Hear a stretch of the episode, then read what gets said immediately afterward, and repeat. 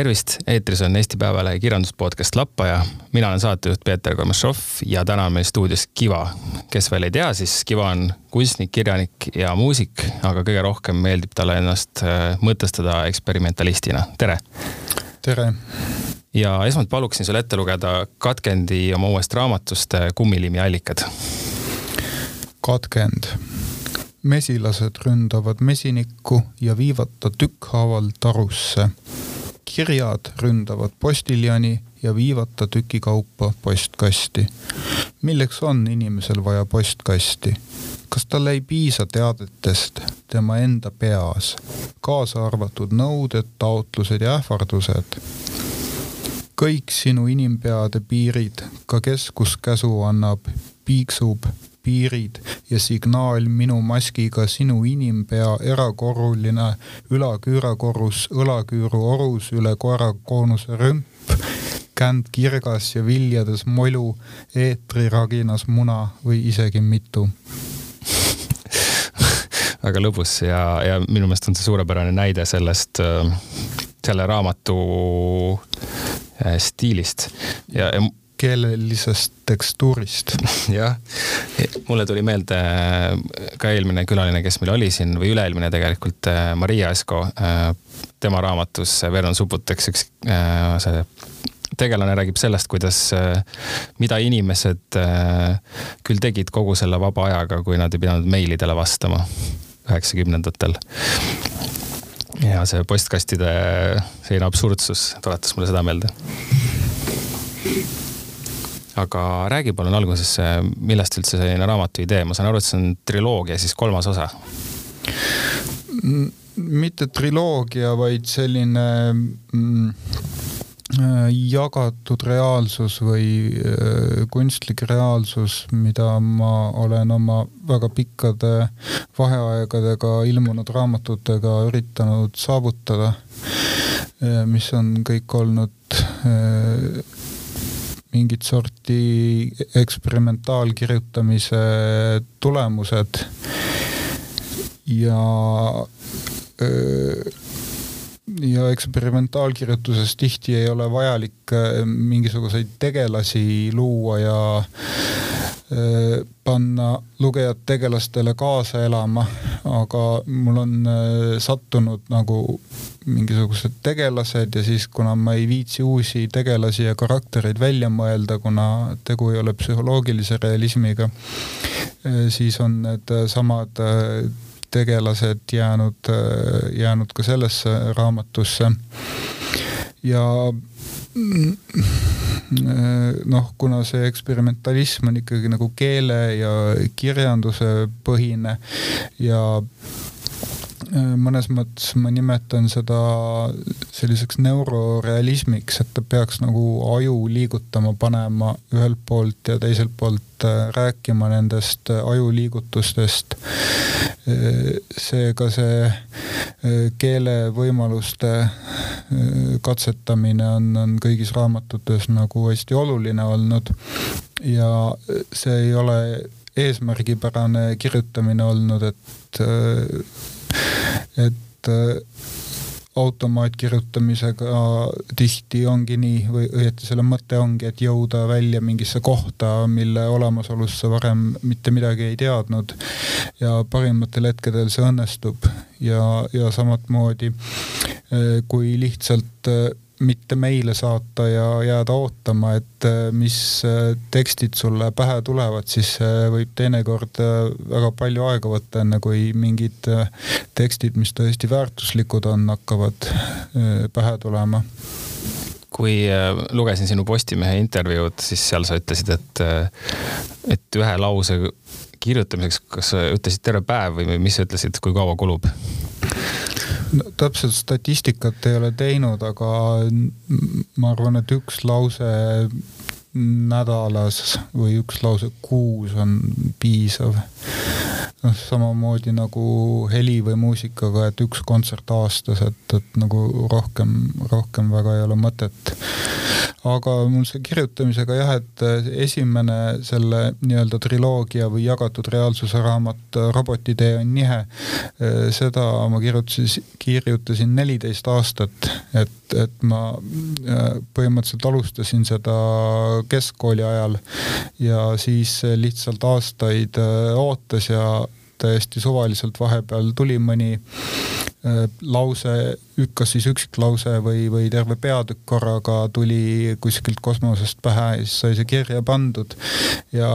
hästi huvitav protsess siis, et jah, et läheb tohutult aega mööda ja sa üldse ei mõtle selle peale ja siis üks hetk tekib jälle see õige lause ja siis sa saad aru, et oo, et see on, ongi tegelikult see raamat, mida ma kirjutan. ja siis äh, teine raamat vist valmis veidi lühema ajaga ta ilmus kaks tuhat neliteist ja ma täpselt ei tea, millal ma kirjutama hakkasin, aga, aga võib-olla siis kümmekond aastat. Ja siis see viimane Kummiliimi allikad, seda ma tean täpselt, et ma hakkasin äh, kirjutama seda äh, seitse aastat tagasi äh, peale ühte reisi Põhja-Ameerikasse. Äh, mis reis see oli selline, kas sa kogesid siis midagi sellist, mis kuidagi vallandas selle instinkti või oli see juhuslik? See, ma käisin Kanadas, kus oli toimunud minu ja Terje Toomistu näitus Nõukogude lillelapsed. Ja siis selle näitusega seoses oli konverents, kus, kus siis kohalikud sellised psühhedeelse kultuuri teoreetikud võtsid sõna ja Ameerikas on ju selline, ütleme see, mis hipikultuur on kunagi olnud ja, ja psühhedeelsus ja see on mingis mõttes kultuuriliselt äh, palju olulisem, kui võib-olla nagu Euroopas tajume seda oma, oma pika kultuurilise taustaga. ja anyway, siis ma tegin, mõtlesin, et kui ma olen juba nii kaugele tulnud, et käiks ka New Yorgis ära. Ja tegin seda ja siis külastasin äh, Torontos äh, Istvan Kantorit ehk siis äh, neoismi leiutajat. Ja siis sattusin külla ühtedele kunstnikele, kes kinkisid mulle ühe raamatu, mis oli ühe tuntud Kanada postmodernistliku kirjut-, kirjaniku uus versioon Lewis Carrolli Alice imedemaalist, kus oli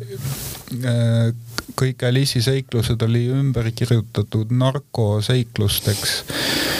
ja see kunstnik ütles, et fuh, mulle üldse see raamat ei meeldi, et võta see endale, kui sa tahad. Ja, ja mina, kes ma kogun muuhulgas ka erinevaid Alice imedemaal väljaandeid, siis hea meelega võtsin selle endale, tõin selle Euroopasse. ja vaatasin, et on jah hästi programmiliselt kirjutatud ja siis miskipärast tuli pähe, et, et kui viiks Alice imedemaal seiklused hoopis nagu Nõukogude Liitu ja et see maagiline aine Eh, mis seal eh, neid mutatsioone ja metamorfoose loob, et see võiks siis kummiliim olla. siis kohe kirjutasingi esimesed peatükid selle hooga valmis ja siis sain aru, et ma ei viitsiks nagu jäljendada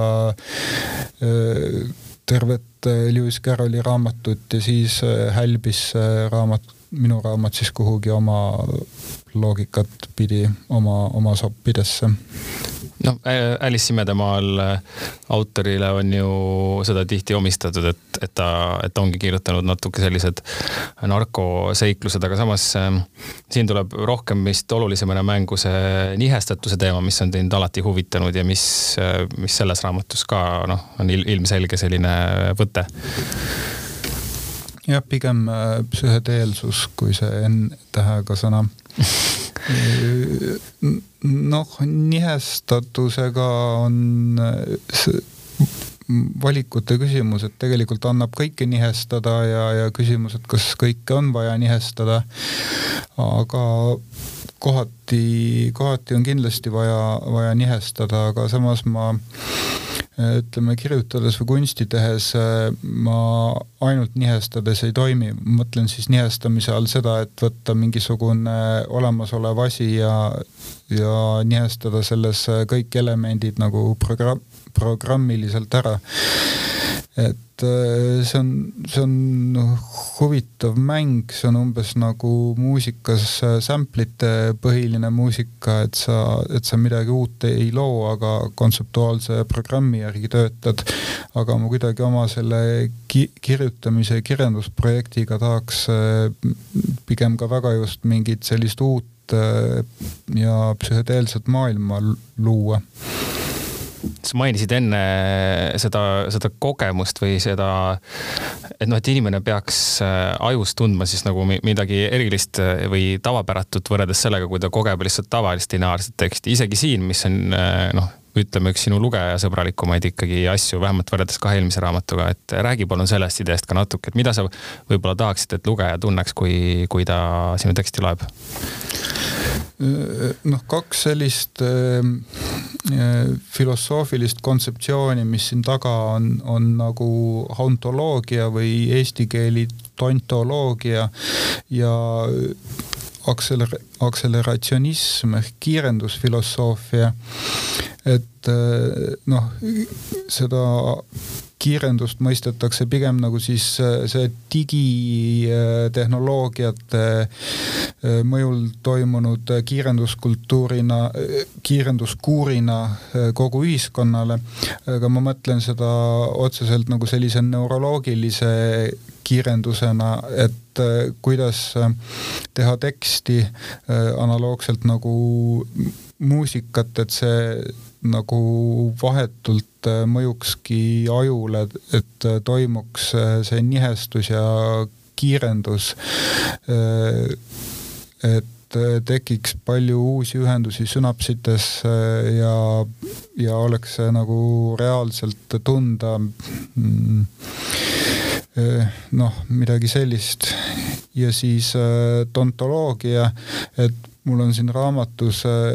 eri aegasid äh, miksitud erinevatel tasanditel, et nii, nii, nii kirjelduse kui, kui keele tasanditel ja mm, äh, siin ongi põhiline idee, et, et, et aeg ka ei ole selline lineaarne mõiste või see, mis meil sellest äh, progressiivsest modernsusest on see aja mõistmine, et, et et ma üha rohkem jõuan arusaamiseni, et aeg ongi kihtidena ja, ja need kihid vahel lõikuvad üksteisesse ja segunevad üksteises ja minevik ilmub meile mingi kummitusena ja, ja, ja ilmselt ka tulevik ilmub meile kummitusena, aga see on absurdne, et me ei äh, usalda seda nagu ära tunda või seda oma teadvusega kuidagi hõlmata. Ja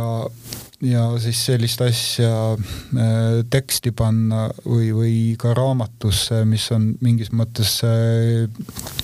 lineaarne meedium, et, et ma raamatusse kui füüsilisse objekti ma ei saa näiteks kaevata mingit urgu, mis selle raamatu all füüsiliselt maa sisse läheks, et peab jääma selliseks äh, raamatu formaadiks, nagu ta on. Samas on sul ometi see väga hästi õnnestunud äh, see uru kaevamine ja minu meelest see muusika, muusika osa on väga hea paralleel, et äh, mul endal lihtsalt on väga ka meeltmööda või ähm, või huvitav see, ma isegi võib-olla kasutaks seda sünesteesia sõna siin, et kuidas need meeled ja tajud segunevad. aga siis äh, kui rääkides kunstiliikide segunemisest, et, et seda raamatut mingis mõttes võibki, võibki lugeda nagu, nagu muusikat, mulle tundub kindlasti jah, et, et kuna praktiseerin ka helikunsti, siis ja noh, vahel ka visuaalide ja ideedega seda, et ma ise ei, ei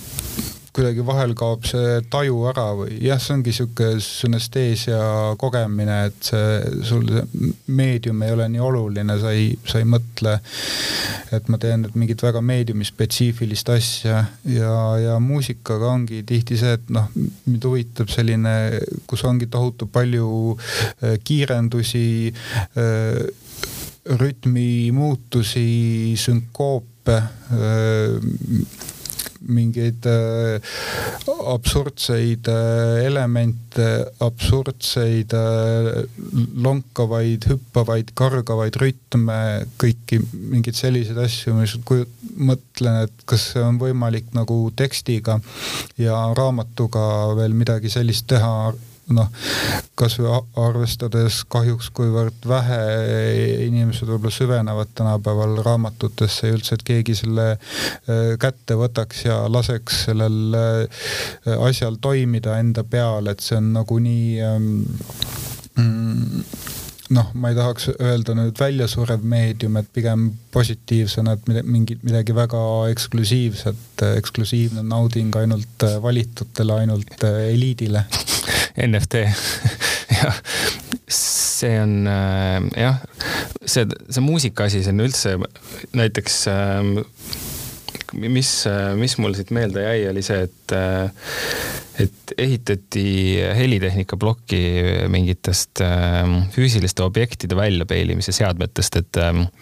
et kas need, need paralleelid näiteks, mis sa siin tood erinevate nende tehniliste seadmete ehitamisega, et need on reaalsuses võimalikud ka kõik? ma see, see sai alguse sellest, et ma mm,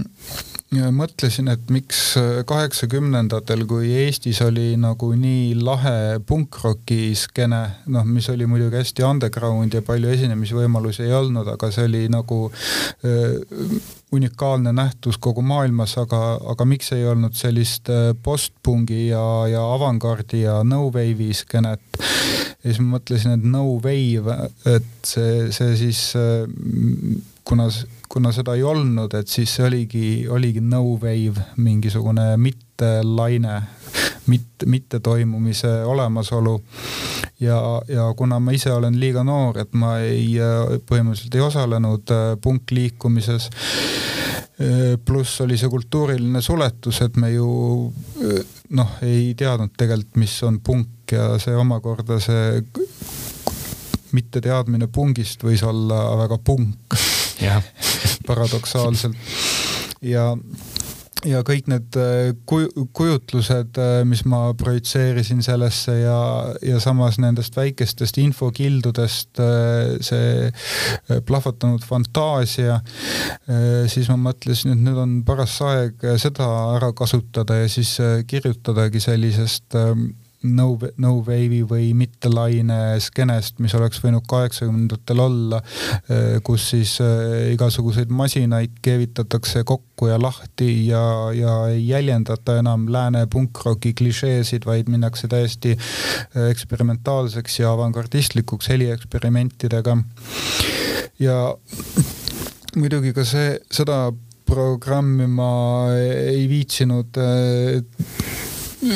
ütleme, tõe ja õiguse formaati arendada, et, et ma kirjutasin mõned, mõned peatükid ja natuke arendasin seda ideed, aga need on juba selle poolest erinevad, et ma siin äh, ühes kohas, kus ma kirjeldan äh, äh, elektroonilise hääle fenomeni äh, ja selle väljapeilimist raadioseadmete kaudu. Äh, seal ma ikkagi konsulteerisin tehnikaspetsialistidega, äh, kuidas, kuidas dioodid töötavad ja kuidas põhimõtteliselt raadiosignaalid jõuavad kohale ja mis elemente selleks vaja on. et lihtsalt õnneks mul oli üks tähele panelik toimetaja sellel tekstiosal, kelle boyfriend oli tehnikaspetsialist ja siis tuli välja, et ma olin seal mingisugused asjad täiesti segi ajanud ja siis mind nõustati. aga äh, mingites äh, kohtades ma täiega räägin räägin, räägin füüsikaseadustele vastu ja ajan selle asja absurdiks ja see, et on äh, Kaja seadeldised, äh, see mul tuli sellest inspiratsiooni, et ma ostsin ise ühe vanaaegse lintkaja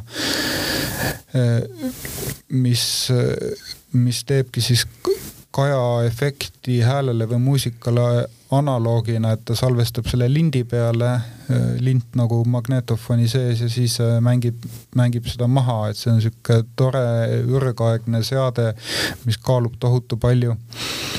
ja, ja, ja siis põhimõtteliselt mul on raamatus viide, et äh, impe-, mis asi, kuidas ma teda nimetan, impeeriumi esimees või et põhimõtteliselt äh, Lenin äh, oli kuulnud, et see on leiutatud ja siis tuli äh, ükskord selle tehniku töökotta. et omakorda see legend, mis on vist tõesti sündinud lugu, on tegelikult ähm,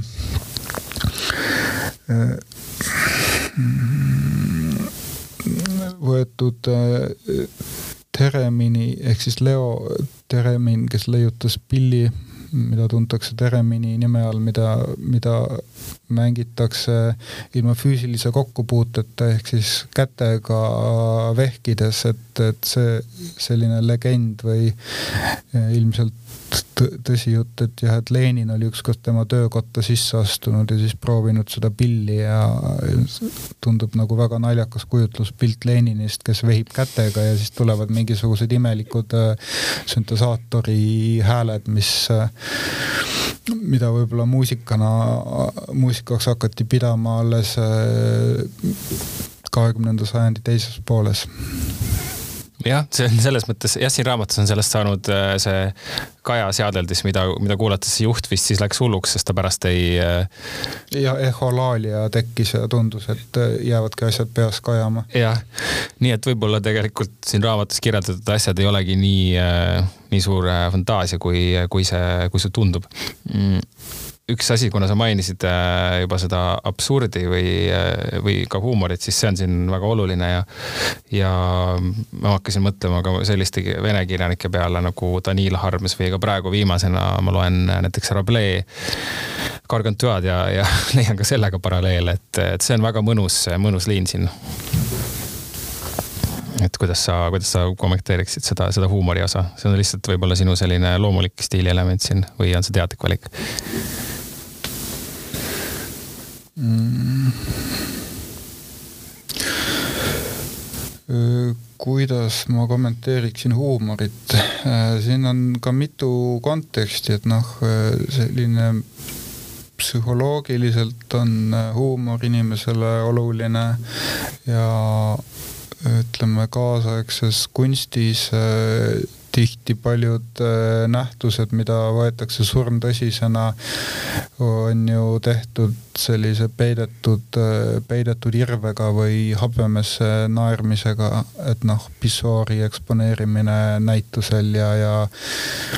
mm, Mona Lisale vuntside ette joonistamine, et, äh, et nad on, ongi samaaegselt on väga, väga tõsi, tõsised ja samas väga naljakad ja äh, ja no näiteks olles näinud nõukogude aja neid äh, rituaale või üleüldse selliseid äh, riikide esinduslikke rituaale ja, ja, ja suuri kuvandeid ja suuri pilte, mida, mida luuakse, et need on tehtud täie tõsimeelsusega, aga minu meelest on nad nagu lollakad ja ajavad naerma ja mul tuleb alati tahtmine valel kohal naerda, et, et kui olukord liiga tõsiseks läheb. ja, ja ma ise, ma ei oskaks päris sellist žanrihuumorit Äh, kirjutada, kuigi ma ei tea, kas selline asi olemas on, aga, aga, aga mul ei ole kunagi eesmärk nagu mingit nalja, naljajuttu või naljaraamatut kirjutada, et ma nagu võtan seda ülimalt tõsiselt. ja siis mind ajabki juba see enda tõsidus naerma ja mind ajavad mingisugused äh, mingid, mingid sõnad, mingid laused, nad tekitavad minus miskipärast vajutavad mul nende nalja või naeru nuppude peale. ja siis ma nagu kasutan neid lauseid ja sõnu ja võib-olla nad teiste jaoks ei ole üldse naljakad, aga siis tekib sinna ümber veel mingisugune naljakas kontekst. ja ja kindlasti nagu palju absurdi ja, ja absurdiga on ka ju see, et see ka vahel võib olla väga naljakas ja ja samas alati üldse mitte naljakas, et, et noh, kasvõi seesama Nõukogude Liit oli küllaltki absurdne moodustis ja ja, ja tihti oli ilmselt raske selle absurd, absurdi üle naerda, kui sa olid nagu sotsiaalses mõttes selle ohver või see äh, väga piiras sul äh, mingisuguseid vali-, valikute tegemisi ja, ja primaarseid elulisi toiminguid. ja noh, Harms samat moodi, et ta ju hukkus Stalini terroris ja, ja kas, kas siis sellesama absurdi tõttu, mida ta viljeles või, või ta juba äh, peegeldaski seda absurdi, et, et seosed on keerulised. jah eks see. aga, aga vene kirjandust mainides muidugi nagu Strugatskid äh, on mulle olulised, äh, kellel ka ju võtkem kasvõi hukkunud alpinisti hotell või, või, või, või mingid asjad, mis on äh, mis on sellises hästi tõsises keeles kirjutatud ja siis seal toimub tegelikult nende huumorimeel tagant läbi ja no ja no arvestades ka seda, et, et Strugatskitele endale meeldis Hukkunud alpinisti filmiversioon ja, ja selle äh, Stalkeri kohta nad äh, ütlesid, et ah, et see pole nagu suurem asi, et et miks, miks nagu maailmas vastupidi arvatakse, et kõik lähevad selle Stalkeri tohutu tõsimeelsusega kaasa ja, ja seal ei ole seda absurdihuumorit, mis on Hukkunud alpinisti hotellis ja siis teisena Belevin. et kuskil on selle Tšapajevi ja Pustutaga vist võrdlus juba läbi käinud, et, et noh, Belevin eriti, eriti varajane, et nüüd ta on vist natuke tööstuse kirjanikuks muutunud, et sihuke neljast raamatust üks on nagu hea, aga tema selline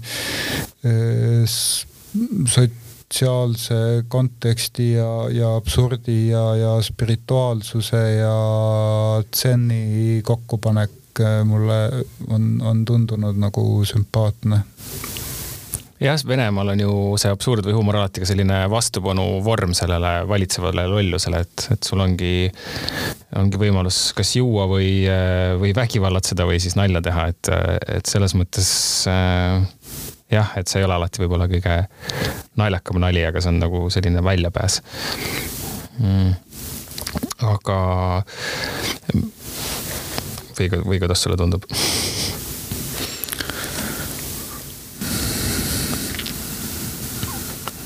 see on ka see, mida need tegelased siin võib-olla mingis mõttes loovad sellist äh, nagu maailmas, kus ei ole võimalik kuidagi olla, nad otsivad mingit äh, mingit siis teistsugust teed. läbi siis nii nalja kui ka nagu ma ei tea, tähenduste lõhkumise ja kõige muu ja, ja sellise neuroloogilise tähenduse avardamise muidugi, et, et ma arvan, et, et äh, see subjektiivne reaalsuse muutmine on ka mingi selline võtmeküsimus aga ka selline tähenduste võib-olla äh, lõhkumine, niestamine, millest me natuke rääkisime, on, äh, on sind äh, nagu alati huvitanud ja, ja võib-olla kui rääkida semiootiliselt natuke, siis see ühiskond, sa oled seda kirjeldanud ka siin, see kaheksakümnendate lõpp, üheksakümnendate algus, selline nagu vaheala, siirdeühiskond, et see on mingis mõttes nagu, nagu semiootikas öeldakse, piiriala, kus on võimalikud asjad, mis, mis muidu poleks võimalikud ja see oli mul ka seda raamatut lugedes väga palju mõtteis ma hakkasin mõtlema jah, et, et päris huvitav, et ajalugu on andnud sellise võimaluse elada eh, sellises vahe, vahelisuses, kus eh, ühte riiki enam ei ole ja teist veel ei ole et noh, enam, enam ei ole selles mõttes, et, et ta ametlikult eksisteeris, aga aga kõigil oli ju selge, et ta on ammu funktsioneerimise lõpetanud ja, ja varem või hiljem ainult aja küsimus, et millal ta ametlikult nii-öelda ära lõpetatakse. Ja noh, hipisid intervjueerides nad rääkisid, et juba neil oli ka päris alguses oli, oli selge, et see nagunii kokku kukku kukub kokku, kukub kokku, et see on ainult äh, aja, aja küsimus, millal see juhtub. ja ja siis, et aga mis see tähendab, kui riiki ei ole, see tähendab ju anarhiat ja ma ei mõtle sellise segaduse ja korratuse mõttes, vaid, vaid nagu sellises idealistlikus mõttes, et, et anarhia ja totaalne vabadus. et mm, et ma nüüd ei ole päris kindel, et kuivõrd hästi kodanikud seda tajusid ja kui, kuivõrd seda realiseeriti, aga, aga see tundub nagu ideena huvitav. ja, ja, ja ka sellena, et, et on ise selles elatud. ja noh, minul langes see kokku, oligi selline aeg, kus punk kõige rohkem inspireeris. aga aga see ühiskond kuidagi oli krambis, jah, ma arvan, et oligi probleem selles, et ei osatud seda vabadust äh, realiseerida, et äh, et äh, noh, näiteks kunstiõpetaja ei, ei öelnud sulle, et, et panegi hullu nagu tee, lase joonist üle paberi äärte, noh, ei olnud sellist suhtumist, ikka üritati kuidagi äh, Äh, kuidagi kontrolli all ja normis hoida asju ja, ja suhtumisi ja mm, noh, ilmselt see nõuaks väga-väga põhjalikku käsit-, mõtlemist, kui, kui tahaks sellest äh, rääkida nii, nagu see, see päriselt oli. mitte siis sellise fiktsiooni ja absurdi võtmes, nagu mina seda teen Kummillinna allikate raamatus. jah, see on ju selline ühiskondlik trauma, mis ma ei tea, näiteks Ida-Saksamaa näitel siiamaani ei ole lahendatud ja Eestis, Eestiski võib-olla see saabunud vabadus ei, ei olnud kõigi jaoks äh, või noh, oli küll oodatud, aga, aga oli nagu suur šokk siis äh, sa mainisid ennem ähm, kui, äh, et sellest, no et, et noh, et sa panid enda kogemusi ka sinna sisse, et kui, kui palju sind ennast on selles raamatus? sest sa oled ju mingi osa sellest ajast elanud, kuigi sa seitsekümmend viis oled sündinud, eks ju, siis sa midagi said kaasa ja pioneer olid sa ka, eks ju? ja mina olin pioneeriorganisatsiooni lõpuni pioneer viimane pioneer. ja, ja, ja mul oli Arteki tuusik oli täiesti olemas, nagu siin äh, raamatu lõpus äh, peategelane saab endale. Ja ja sel ajal see ka muidugi absurd, et tegelikult pioneeriorganisatsiooni juba, juba enam ei olnud, aga tuusik endiselt kehtis veel. aga lihtsalt jäi sõitmata selle tõttu, et oli see Tšernobõli tuumakatastroof ja siis evakueeriti inimesi või ilmselt siis lapsi sinna sinna Artekki, mis on siis kuurortpiirkond äh, Musta mere ääres, kuhu, äh, kuhu, kuhu kõik tahtsid minna ja mis oli selline auhind ainult parimatest parimatele, noh, ma mõtlen siis pioneeriorganisatsiooni hierarhias või sellise nõukogude lapse mm, mingis selles kuvandis, mis, mis neile levitati. Äh, äh, ja siis on, äh, ma olen siia ja sinna torganud ilmselt üsna palju selliseid asju, mis on mu isiklikust ajaloost tulnud, aga need on lootusetult segi mul läinud keelemängude ja, ja absurdismide ja, ja fiktsioonivõtetega. nii et nii et las see raamat olla selline sasipundar, et siin ei ole mõtet hakata neid lahti arutama, neid otsasid, et ma olen korralikult vaeva näinud sellega, et need segi ajada jah, see on jah. et võib-olla jah, võiks seda lihtsalt kõike veel segasemaks äh, ajada seda öeldakse ju, noh, ma ei tea, neid näiteid on muidugi veel, aga mul tuli lihtsalt näiteks, näiteks David Lynch pähe, et, et sa üritad lahata tema neid sümboleid, aga tihtipeale seal need ei, ei vii mitte kuskile, kui sa hakkad seda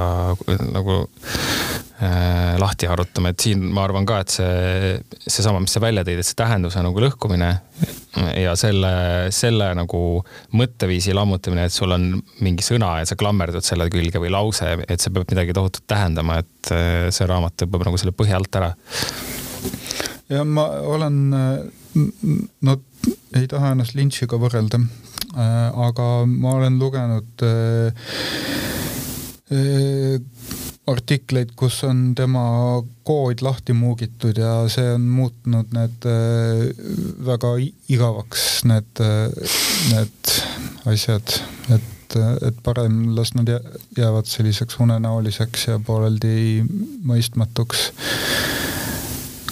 et just Mulholland Drive'i puhul mulle, mulle meenub, et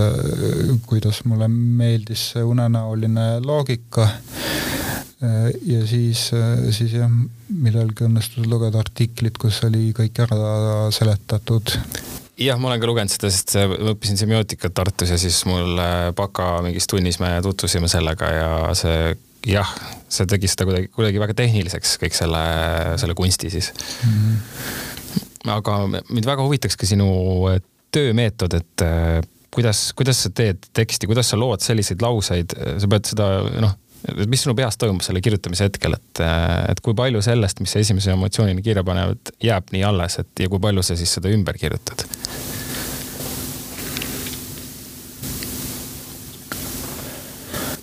no ideaalis võiks, võikski tulla, võikski tulla kogu tekst äh, lihtsalt pähe ja ma lihtsalt olen meedium, kes seda vahendab, sest sellest mul see kirjutamine äh, alguse sai. Äh, selles mõttes sai alguse, et äh, ma õppisin kirjandusklassis Tartu kaheksandas keskkoolis ja kogesin seda, mida ikka kogetakse, et maailmas on liiga palju kirjandust ja liiga palju raamatuid, et, et ei ole vaja juurde kirjutada ja siis mul oli pinginaaber, sihuke paha poiss, kes tegi sellist paha asja, et hingas kummiliimi ja siis äh, rääkis mulle, mis äh, temaga toimus. Ja siis ma sain aru, et see on nagu väga huvitav tekst, mida ta räägib, et äh, vau, et nagu sellised asjad. ja siis noh, need tema räägitud asjad jõudsidki selliste tekstidena, nagu ta olid, jõudsid minu raamatusse Robotitee on nihe neliteist aastat hiljem. ja, ja sealt algas minul see huvi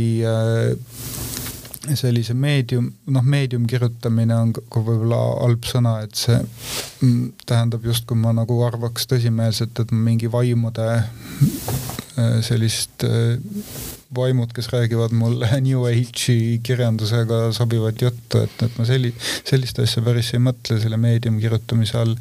ja, ja ma ei taha ka seda päris nagu sürrealistide automatismiks nimetada, et ähm, et ma ei, ma ei tea, mis selle nimi on mingis Reivi kirjandus. Reiv oli ka üks märksõna, mis mul seostus sellega, jah. ja dadaism võib-olla ka mingis mõttes mm. -hmm et aga, aga jah, et ma nüüd see,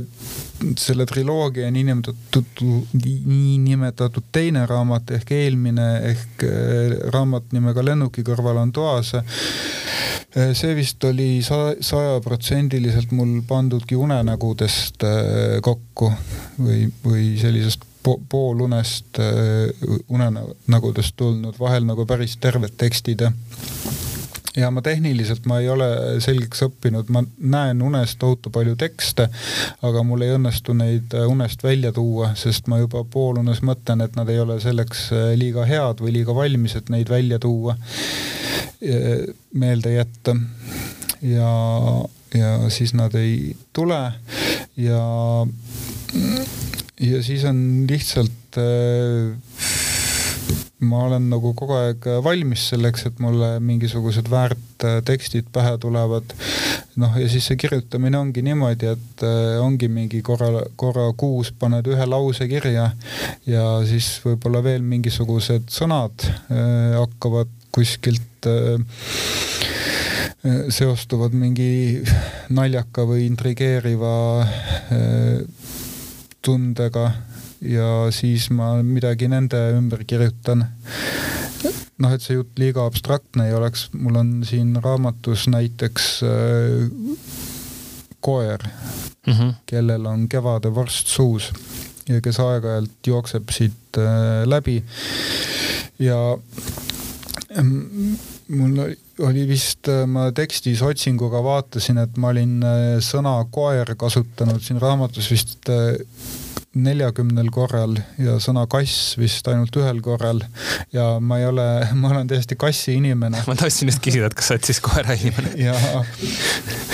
asi on lihtsalt selles, et ma viimased aastad olen äh, kalamajas palju aega veetnud ja ma ei ole nii palju koeri näinud, et kõik noh, kahjuks iga koera taga on üksik inimene. Aga, aga sellest. kassi taga mitte jah, sellest hoolimata on huvitav vaadata neid äh, koeri, et et, et mulle tundub, et nad ka ikkagi järgmises või ülejärgmises elus ilmselt sünnivad inimestena, et midagi väga sellist äh, inimese sarnast on neis. noh, ma muidugi jällegi vaatan oma Nõukogude lapsepõlve selliste äh, laste, lastesaadete prisma läbi seda, et sellised äh, inim, inimkujulised loomad ja mõmmi aabitsad, et, et et, et ma kujutan ette, et seal koera vormis on ka tegelikult äh, mingisugune kõrgem äh, tajuv olend ja, ja lihtsalt noh, valmistab nalja. Puhtalt jah, sellist isegi see ei ole naljakas, et noh, miks peaks üks elukas olend naljakas olema, et, et okei okay,, tal on tagakoivad just sellised ja et ta kepsutab naljakalt aga seostub jah mingisugune absurditunne sellega ja siis ma ei teagi, see kujund, kujund on nagu kohal ja, ja kummitab mind ja siis äh, ma kuidagi realiseerin oma tekstis äh, seda äh, ja, ja, ja olles ise teadlik sellest, et ma ei ole tegelikult koerainimene ja tegelikult tahaks hoopis muudest asjadest kirjutada. aga inimestel on koerad jah? jah, aga, aga noh, mul on need enda fantaasiategelased, need äh, kolmeteistaastased punkarpioneeri tüdrukud on, need on nagu olulisemad. aga, aga jällegi ma kirjutajana olen nii laisk, et ma ei viitsi hakata mingit narratiivi ja, ja seikluseid äh, kirjutama, et, et minu jaoks nad peaksidki seiklema äh, nagu minu subjektsus seikleb selles tekstuaalses tekstuuris või, või, või keele, keelemängudes äh, või mingisuguses sõna, sõnameres. noh, ma kujutan seda kuidagi niimoodi, et, et võib-olla see lugeja jaoks üldse ei ole niimoodi, et jah, et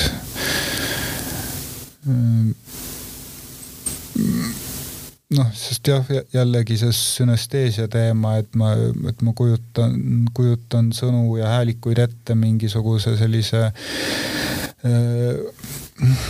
mm, okeaanilise okeaanilise äh, objektina, noh nagu Solaris siis võib-olla tuli, tuli mul praegu pähe, mitte sellisena, aga, aga kuidagi analoogsena. Ja, ja noh, seda realiseerida või sellise kompaktse raamatuna mm, mm, nüüd leida sinna mingisugune siduv loogika, et see on ka selline alkeemiline tegevus, et no kasvõi see pealkiri Kummiliimi allikad, see ongi suvaline, mitte eriti naljakas kalambuur, mis on sellest noh, ma ei tea, kas on malapropism või midagi sellist, kui sa, kui sa ütled kogemata valesid asju või, või loed või kuuled midagi, midagi valesti, et, et ma lihtsalt mingi hetk sõna kuuma vee allika tasemel äh, nägin või kuulsin sõna kummiliimi allikad. ja, ja siis see, siis see jäi ka mind kuidagi kummitama, kummitav kummiliim. jah ja siis oli mul aastaid oli see sõna lihtsalt kuskil kirjas ja, ja siis, siis täiesti mingi teise loogika või, või teise juhuse tõttu ma hakkasin kirjutama kummiliimist ja siis ma sain aru, et see sõna on ju olemas, et see sobib siia, sobitub siia pealkirjaks. ja, ja noh, kogu see, kogu see raamat on, ongi selline sõnad, sõnade mingi kokku konstrueerimine, kohat, kohati ka siis lausete ja lõikude, et, et pärast selline Jaan Tatika mingi masina, masina kokkupanek või või jah, kui tahta uhkemat metafoori, siis jah, alkeemiline labor jah, äh, tõesti see, see kummiliim tegelikult, kui vaadata seda raamatu kujundust ka, sellest ma tahtsin muide rääkida, siis kindlasti vaatajal, äh, vaatajal, lugejal ja see, kes näeb seda raamatu kujundust, siis võib tekkida selline nostalgiline jah minevikutunne seoses selle kummiliimi tuubiga ja selle tekstiga, aga samas kuskilt olen lugenud, et sa ei, ei pea ennast üldse väga nostalgiliseks, et mulle tundub ka, et sa pigem kasutad seda ajastut nagu sellise illustreeriva näitena ja ja nagu ka Jaak Toomberg siin järjesõnas ütleb või sellises lühikeses kokkuvõttes, et, et see on ka üsna selline poliitiline teos selles mõttes, et see, seesama võimu, võimusuhe, mida sa siin enne kirjeldasid. Noh, jah, seda poliitilisust peab Jaak Tomberg ise, ise käsitlema, kuna tema on kirjandusteadlane ja mina ei tea neid asju. aga raamatu kujunduse kohta, et selle on teinud Tuuli Aule, kes on Eesti parim raamatukujundaja, kes teeb Kumu trükisseid ja kes on ka minuga koos kirjastuse Paranoia taga. Ja ta on sellepärast Eesti parim, et ta on ääretult ta on visuaalselt täpne, ta on üliminimalistlik, ta ei tee kunagi mitte midagi üleliigset ja ta teeb alati täpselt selle, mis just vaja on ja ja selle raamatu kujunduses vähe sellest, et ta on kasutanud siis kummiliimi tuubi disaini, ta on siia lasknud teha äh, lakiga ka sellise laigu või loigu, mis näeb välja nagu oleks äh, kummiliimi siia raamatu peale kallatud. mõlemal küljel vist, eks ju? valguse käes on näha seda, seda loiku. ja ja mingis mõttes äh, noh, nostalgia mm, minu meelest kummiliimi, kummi, kummiliim, see tuub oli Nõukogude Liidus nagu selline ikooniline produkt, et kuivõrd ei olnud palju produkte, siis olid mingisugused üksikud produktid, mis nägid nagu fancy'd ja noh, natuke läänelikud või sellised popkultuurilised välja. ja siis mul mingi mõte oli, et ta on nagu Andy Warholi supipurk samamoodi. Ja kui Warhol oma supipurke tegi, ega, ega need ei olnud mingisugused väga uued asjad, need olidki, et kõik ameeriklased juba teadsid seda, see oli nostalgia nende jaoks, see kõnetas neid Äh, samatmoodi nagu muusikas ütleme Beatlesid ja Pink Floyd, nad kasutasid mingeid äh, ka mingeid nostalgilisi asju, mis nad oma, oma lapsepõlve äh, kultuurist mäletasid, mis oli siis väga konservatiivne kultuur, mille vastu nad justkui rokkmuusikutena olid, aga, aga kust ometi tulid mingisugused helged asjad. jah, see raamat on ikkagi ka väga punk, ma ütleksin jah, ma ole, jah, jah, ta peab väga punk olema ja ta peab samas väga reiv olema ja ta peab hüperpopp olema ja jah, selline, samas kui on ilus, kuna on praegu jõuluaeg, siis äh, on ka, ma ütleks, et tore, tore selleks, selleks sobib, sobib lugeda ta lihtsalt, üks asi, mis mulle, mis, millest ma tahtsin rääkida veel lugejana, on see, et hästi huvitav on see, et sa saad selle läbida väga kiiresti. Äh, sa võid selle läbida nagu sellise Mm. teadusvooluna, aga teisest küljest sa võid iga lauset lugeda ja sellesse süüvida ja jäädagi sinna kinni täpselt sama kauaks ajaks umbes, mis kulub terve raamatu läbilugemiseks. et kaks väga paradoksaalset asja töötavad korraga äh, lugeja kogemuses. võib-olla sa oled kogenud lugeja, et ma arvan, et te, ta tegelikult ei ole väga kerge lugeda mingid, mingid äh, kohad, et mul on, äh, mind on huvitanud huvitanud nagu pikad laused ja sellised noh, et lause oleks nagu mingi progeroki lugu, et see on hea võrdlus. et kuskil äh, vahel on semikoolon ja siis läheb hoopis mingi teise loogika järgi läheb see edasi ja et, et sa ei loe seda niisama otsast lõpuni läbi ja ei saa järgmise lause juurde minna, et ta kuidagi hakkab kummitama ja sunnib, et sa pead seda nagu uuesti lugema ja noh te, tekitab sellise ähm, noh, et ta ei ole libe lugemine, et ta on selline nagu mingi takjate sees äh, kõnniks, mis sind üritavad, mis takistavad su liikumist äh. Jah, kindlasti on ja ma mõtlen lihtsalt, et see, et see flow on seal nagu selline tuntav ja siis jällegi seesama muusika võib-olla tuleb mängu, millest me rääkisime, samas ja samas selle flow nagu lõhkumine ka väga-väga tugevalt. aga, aga see, et, et jah, mis sa ütlesid, et, et on võimalik kergelt lugeda ja siis saad nagu süvenenult lugeda, et see on tegelikult kunstnikuna mulle alati väga oluline printsiip olnud, et, et eh, teos peakski olema selline, mis on, mis on ka tegelikult selline mm, alkeemiline või kabalistlik seisukoht, et sa nagu peale vaadates saad äh, kohe aru, ütleme nagu sa mandalat või labürinti vaadates sa saad äh, kohe aru, et see ongi see. see ongi see, mis su ajuga nagu kohe midagi teeb ja siis ongi, et sa saad äh, sellega veeta nii palju aega koos, kui sa, kui sa nagu tahad ja lasta sellel toimida ja ja, ja, ja tegeleda sellega. et, et jah, see, see kohene mõju ja, ja, ja sü-, tähendab võib-olla siis jah, tasand, et kohese kõnetamise tasand ja siis süvatasand, et need peaksid kindlasti mõlemad äh, olemas olema. jah nüüd, äh, kuna me kunsti juba mainisime, siis tegelikult äh, ma tahtsin natuke rääkida ka sellest nullindate näitusest, kus sul on kaks tööd väljas. üks on siis see musta ruudu hajumine ja teine äh, Pilves ja millestki on siis mõlema töö selline ühispealkiri, jah? Nad olid äh, algselt näitusel pealkirjaga Pilves ei millestki ehk High on nothing, kust siis sai minu nii-öelda selline nothing'u periood äh, alguse ja see oligi suht äh, nullindate lõpus ja tegelikult nullindatel ma ei teinud eriti näituseid, et ma tegelesingi eksperimentaalkirjanduse ja eksperimentaalse helikunstiga. ja ma arvasin, et ja, ja, ja, ja tegin selliseid kontseptuaalseid üritusi nagu Olematute bändide festival ja Cabaret Derrida. ja ma olin veendunud, et, et kunsti ei tohi galeriides teha, et, et galerii on kunsti surm, et see nagu tohutult piirab nii galerii kui näituse formaate ja siis äh, nullindate lõpus mul lihtsalt oli kogunenud nii palju ideid äh, ühe näituse jaoks, et siis ma tegin sellise comeback'ina äh, selle näituse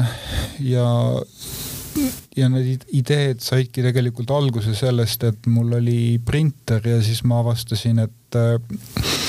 et kui, et kui tal tint otsa saab, siis ta hakkab üritama neid äh, prinditavaid kujundeid kuidagi hästi kohmakalt kokku panna oma nendest RGB värvitoonidest. ja siis mõtlesin, kuidas seda ära kasutada, et annaks talle lihtsalt võimalikult suure pinna, mille peal toimetada. ja, ja tegelikult äh, see must ruut ei olnud et ma prindin siis musta ruutu, see ei olnud tegelikult üldse viide Malevitšile, vaid see oligi see, et mul oli lihtsalt äh, mul oligi musta, musta ruudu vajadus rohujuure tasandil, suure pinna, printimispinna vajadus. ja siis oligi nii, et umbes paarsada lehte mm, sellest hetkest, kui, kui see print, tähendab toonid hakkasid juba otsa saama, et ei oleks tohtinud enam printida, oleks pidanud uued värvikassetid ostma. et siis need vanad printerid lasid äh, printida veel edasi ja siis ma printisingi paarsada lehte, kuni lõpuks ma sain täiesti tühja valge lehe tulemuseks ja ma tegin seda protsessi korduvalt läbi ja iga kord sain väga huvitavaid tulemusi, kuidas ta siis selle musta ruudu formaadi sees äh, üritab seda musta tooni saavutada. siis äh, iga kord tulid väga erinevad need äh, tulemused, miskipärast täiesti nagu erinev kunstnik oleks teinud abstraktseid maale. et väga sellised psühhedeelsed mustrid, sellised jooned see oli jah, väga väga huvitav leid ja siis ma äh, vormistasin selle näituse teosena ja oli teisi ideid, äh, mis seal veel olid. ja need kuuluvad jah Kumu kogusse. ja siis see teine töö, kaks musta kastekannu, kust kostub valget müra äh, see oli noh, kui ma rääkisin siin äh, kirjanduse puhul, et tulevad mingisugused absurdismid pähe või, või, või absurdsed laused või sõnad,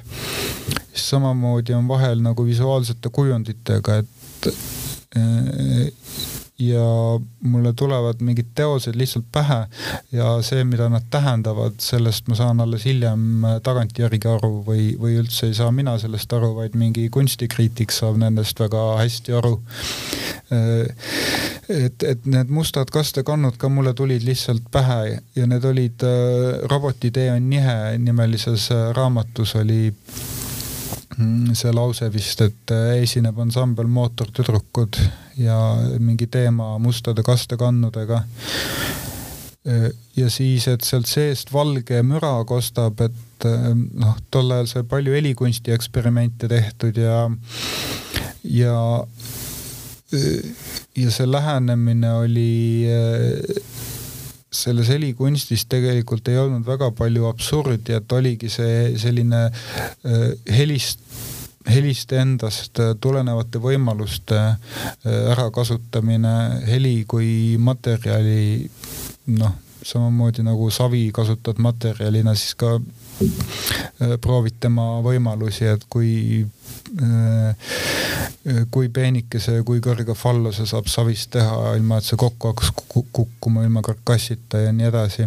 ja siis see, et nagu täiesti absurdselt mingi heli kastekannudesse panna, see tegelikult ei olnud üldse nullindate helikunsti äh, teema. et, et seal ei tekkinud nagu mingit spetsiifilist akustilist efekti, et, et, et jah, see valge müra meenutab äh, meenutab vee tekitavat, tekitatavat kohinat ja noh, see, mida, mida kosed tekitavad. et seal kastekannude sees algselt olid seal raadiod, mis olid keeratud siis skaala lõppu, kust ka tuli mingit valge müra moodi asja aga sellest ma sain ka hiljem äh, aru, et kui paljutähenduslik see on, et esiteks see must kastekann, et ta kunsti kontekstis, ta viitab nii äh, Malevitši Mustale ruudule kui Duchampi äh, purskkaevule, noh, mis on kaks, kaks kõige ikoonilisemat viidet üleüldse, millele viidata. Ja, ja, ja täiesti suvaliselt sattusid nagu sinna kokku. ja siis, et see kastekannu vorm on tegelikult väga huvitav selline liit, liitsooline, et tal on selline eenduv osa ja, ja sisend. ja ta on, kui neid üksteise otsa panna, siis ta ongi selline nagu lõputu jätk, et ta ongi nagu mingi üks osa mingisugusest, mingisugusest jätkudest koosnevast ussist või, või sajajalgsest nii, ja siis äh, valge müra, see on ju ideeliselt äh, kuna valges müras on kõik sagedused, siis äh, minu mõte oli, et siis peaks sealt järelikult olema välja filtreeritavad üleüldse kõik foneetilised helid, mis üldse olemas on, kaasa arvatud siis ka kõik keeled, sõnad, ütlused, heliraamatud noh, tegelikult see niimoodi ei ole, aga, aga mulle meeldib nagu mõelda, et ta on selline öö, totaalne kosmiline mass, kus öö, kõik olemas on. ja samas noh, valge müra on, ta on ju öö, kuidas ta mm, mm, valg- mm,, valge müra, et no seda kasvõi kasutatakse näiteks mm, enda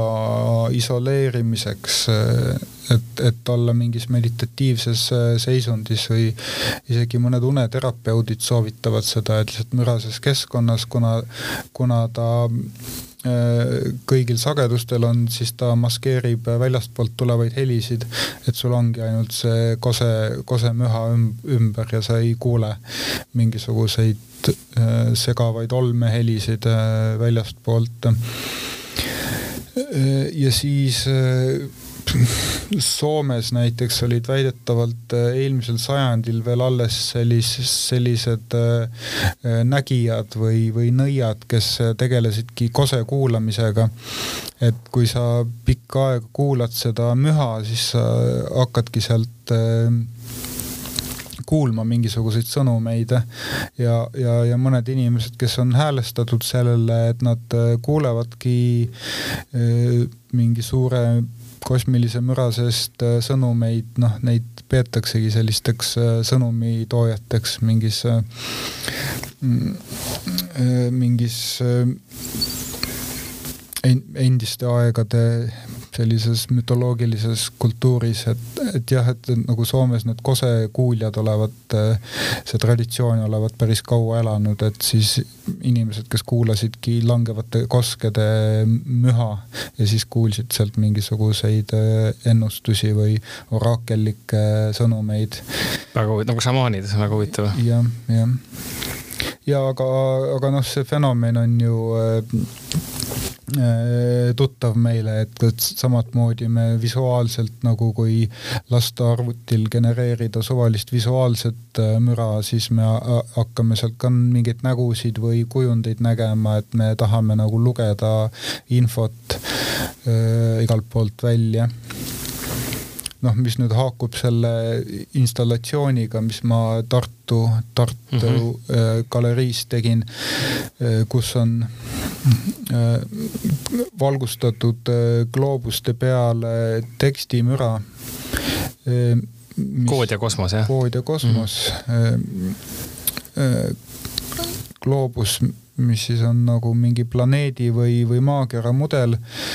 Ja ma olen sinna siirdanud koodi, mis on saadud sellest, et ähm, fotod, kosmosest tehtud fotod äh, planeedist on äh, avatud tekstiredaktoriga ja lastud äh, arvutis siis tekstiredaktoril interpreteerida pildilist sõnumit et ühesõnaga see kood, mis on plane-, planeedi äh, gloobuse peal, et see peaks olema pilt sellest äh, gloobusest. ja siis nendega samamoodi, et kuigi ta on nagu suvaline tekstimüra, aga minu jaoks on ta nagu konkreetse luuleteos, et ma nagu näen seal ka mingeid äh, mitte midagi tähendavaid tähemärkide järgnevusi ja, ja kohe hakkan sealt välja lugema või, või mul hakkab kuidagi tunduma, et mingisugune et see on midagi väga tähenduslikku, mis, mis ta tahab mulle öelda justkui, et ta justkui nagu oleks kommunikatiivne ja. mingi keel jah? ja mingi keel, aga et millest ma nagu jah, et nagu võõras keeles inimene räägib sinuga, et ta ilmselgelt tahab midagi öelda, aga sa nagu mitte midagi ei saa aru, kuna sul ei ole seda koodivõtit Äh, saateaeg hakkab vaikselt otsa saama, aga räägime veel lõpetuseks muusikast, sest äh, äh, sul on ka tulnud välja plaat sellel aastal Kivanoidi nime all ja tegelikult väga huvitav on see, et, et kuigi sa oled ise ka öelnud, et need asjad on mingis mõttes nagu sõltumatud, siis ometi näiteks selle plaadi peal on ka üks selline track nagu Black Square, ma vaatan, mis see nimi täpselt oli. Fate Black Square jah mm. -hmm mis on siis sama asi, millest me just rääkisime. Äh, see on, plaat on tehtud, ma saan aru, et ühes erilise süntesaatoriga. ja see on tehtud äh, Pukla süntesaatoriga ja äh, lühidalt süntesaatorite ajalugu oli selline, et need viiekümnendatel Ameerikas kaks koolkonda, idarannik ja läänerannik. idarannikul oli Robert Moog ja läänerannikul Don Bukla ja Moog tegi oma heli samamoodi nagu ma rääkisin Valge müra puhul, siis tema ka nagu filtreeris välja selle süntesaatori soundi sellest äh, helist, mida need generaatorid ja ossilaatorid tegi ja selle tõttu disainis oma selle klassikalise Moogi soundi. aga lääneranniku puklasüntesaatorid töötavad äh, mitte väljajätmise, vaid juurde lisamise tõttu äh, või juurde lisamise kombel, et, et see süntesaator koosneb moodulitest ja sa iga asja, mida, mm, mis heliga juhtub, see juhtub nii, et sa ühendad ühe mooduli eh, teise mooduliga kaabli abil ja siis selle süntesaatoriga muusika tegemine käibki niimoodi, et sa ühendadki neid eh, mooduleid eh, kaablitega ja tekitad sinna põhimõtteliselt sellise labu, labürindi, mis,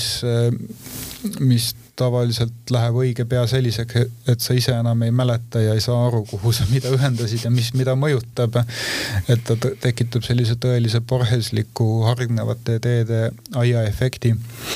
ja siis, mis on oluline erinevus veel ja mis oli väga poliitiline viiekümnendatel, kuuekümnendatel, et Moog äh, kasutas süntesaatori juures seda valgete ja mustade klahvide süsteemi ehk siis klassikalist lääne äh, grammaatilist helirida ja Pukla süntesaatoril ei olnud mingeid musti ega valgeid klahve, et see toimetas ja toimetab siiani siis nagu selle helide spektaakli nagu puhtas vahelisuses, et sa saad, saad sellega mis iganes senikuulmatuid äh, kõrguseid ja kõrguste kombinatsioone luua, et sa ei pea olema selle valge ja musta klahvi äh, noh, ori oleks nüüd karmilt öeldud, aga aga selle, selle süsteemi äh, sees toimetama ainult. no nii, ja siis sünt-, seda puklasüntesaatorit nimetatakse rikkaliku heli tõttu süntesaatorite Stradivariuseks. Ja see küllaltki palju nende puhul see suurus on oluline, ehk siis kui palju neid mooduleid on. Ja siis see Euroopa kõige suurem moodulisüsteem kuulub Stockholmi elektroonilise muusika stuudiole, mille resi-, resident heliloojaks mind äh, kutsuti kuskil kuus-seitse aastat tagasi. Ja siis ma veetsin äh, pool aastat kokku nagu kuuajaliste perioodidega, perioodidena äh, kahe aasta vältel seal Stockholmi elektroonilise muusika stuudios kus, kus kunagi toimetas Ilmar Laaban ja kus on toimetanud John Cage ja Karl-Heinz Stockhausen ja kus uh, uksest võisid sisse astuda, ma mõtlen, keda ma seal kuulsustest nägin, Sun O, Steven O'Malley oli seal uh,, Zbigniew Krakovski, Karl Michael von Hauswolf, et, et sellised helikunsti supernimed, et tavaliselt kui neil oli Euroopa tuur ja nad uh, Stockholmis olid, äh, siis nad ka sealt elektroonilise muusika stuudiost äh, läbi astusid. Äh, mina küll palju nendega ei suhelnud, et ma eelistasin töötada öösiti. Ja siis tohutult palju salvestasingi neid Pukla sound'e ja sellest selle plaadi ma ka kokku panin Nendest äh, sound idest siis? ja see võttis sul ka üsna kaua aega, eks ju, ma tean, et sa nagu sa jäid rahule nagu selle, selle tulemusega, mis sa siis said? mul äh, jah, muusika on nii püha asi, et see tõeliselt võtab, võtab aega, et saada sellist noh, tulemust, millega ma nagu rahul oleks, sest minu meelest äh, muusika peaks olema just uute helide ja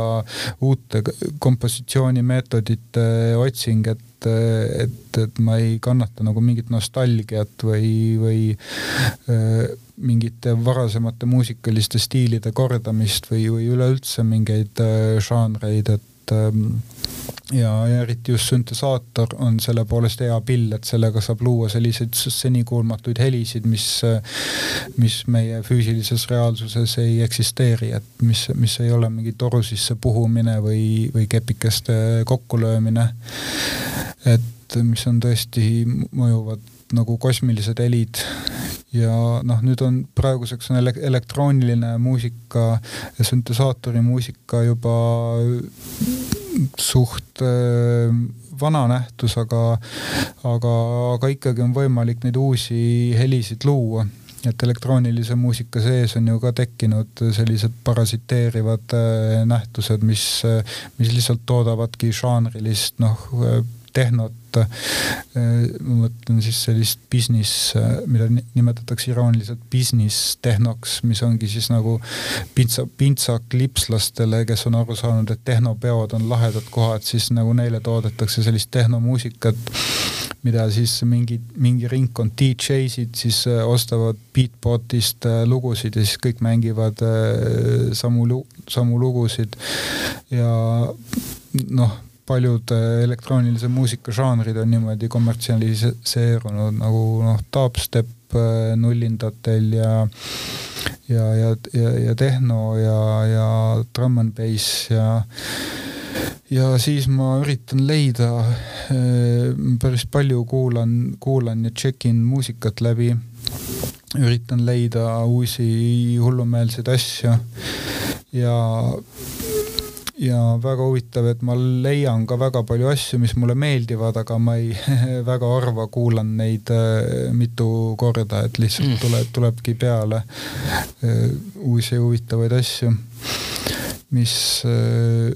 mis ma siis loodan esi-, esitavad ka väljakutse sellele, mida mina muusikast ja helidest arvan, et nii et kaevad sealgi, nagu sa enne ütlesid, selle raamatus, noh, sa otsid ja võib-olla kuidagi, ma ei tea, üritad laiendada muusika piire samas, kuigi see on ikka muusika mm,. jah. Äh, Enter the Untitled, see pealkiri on ka selline, noh, ma võin öelda, et mulle, kui ma seda kuulasin, siis äh, ma ei tea, mis kuidagi selline väga meditatiivne ja, ja huvitav ja samas jällegi nagu see raamatki pani hoopis teises äh, suunas kuidagi selle mõtte või teadvuse liikuma. Nii et sobib hästi selle talvekaamusega ka. Jah, seal äh, on selline rütmilisem pool ja, ja, ja abstraktsem pool, et ta, on mingis mõttes nagu kaks suunda, mis mul seal nagu täielikult kokku panemata jäi, et nad on nagu mingis mõttes lahus, et see plaadi al-, alguspool vist äh, vii-, viis-kuus lugu on rohkem nagu rütmilisemad ja siis lõpupoole läheb täiesti abstraktseks, et noh, mingis mõttes on ta tervikteos, mingis mõttes on need äh, lood kõik äh, sellised suveräänsed teod. Mm. Et see nullfield on seal plaadi tervikus on ka selline kompositsiooniliselt äh, on, on, on omal kohal, et, et, et ta ei ole üldse selline võõrkeha seal, kuigi ta kõlab teistmoodi ja on selline äh, ehe ambienti lugu, võib-olla et kerge Sven Grünbergi mõjutusega aga minu jaoks ta on seal selle plaadi terviku kohalt on jah, nagu selline integraalne äh, seisund seal vahepeal äh,. igatahes jah, nüüd peame kahjuks otsad kokku tõmbama, aga enne kui mm, Lähemegi selle viimase osa juurde, mis on siis lugemissoovitus. tahtsin lihtsalt veel ära mainida kuulajatele, et Kummilimi allikad, siis raamat on saadaval raamatupoodides äh, Kumus on siis nullindate näitusel ka Kivatööd ja muusikat saab siis, uut plaati saab kuulata Spotify's ja Youtube'is olid ka vist mõned lood, ma nägin. ja Bandcampis ja enamustel platvormidel. okei okay., palun siis jah, lõpetuseks soovita omalt poolt äh, lugemist, mingit, mis sulle on viimasel ajal meeldinud kuulajatele no ma soovitaks äh, Tõnis Vindi kogutud artikleid, mis äh, äsja ilmus ja mis on kauaoodatud äh, kogumikraamat, sest Tõnis Vindi, kes oli üks kultuslik kunstifiguur kogu Nõukogude Liidus ja ka veidi väljaspool, nii palju kui tema tööd omal ajal sinna ulatusid kel, kes, kellel õnnestus avaldada artikleid Nõukogude meedias üsna kummalistel teemadel nagu mandalad ja labürindid ja, ja visuaalsed uurimused. ja neid seni ei olnud ühe raamatuna ilmunud, et, et seal raamatus, kogutud artiklite raamatus on palju visuaale sest Tõnis Vint arvas, et inimene visuaalidest arusaamiseks peabki äh, neid vaatama, et, et tema tekste ei ole üldse vaja, aga, aga noh, õnneks ta need tekstid kirjutas ja siis ta seletabki äh, visuaalseid süsteeme ja kuna tal endal oli super visuaalne mälu, siis ta oskaski leida sarnasusi, ütleme mingis vanas Mehhiko vaibas, sealt leida samu liikumisi, mis on mingisuguses soome-ugri kinda või vöömustris leida sealt selliseid universaalseid märgisüsteeme, mingeid teadvuse liikumisi, maailmade loomist, peegelmaailmu. et, et ta oli tõeliselt inspireeriv inimene ja ma arvan, et sellest tema inspireeritud seisundist on, on jõudnud palju ka nendesse tekstidesse ja sel, sellesse kogutud artiklite raamatusse. selge, aga suur aitäh sulle saatesse tulemast ja kuulajatele soovitan ka paranoia kiirastusel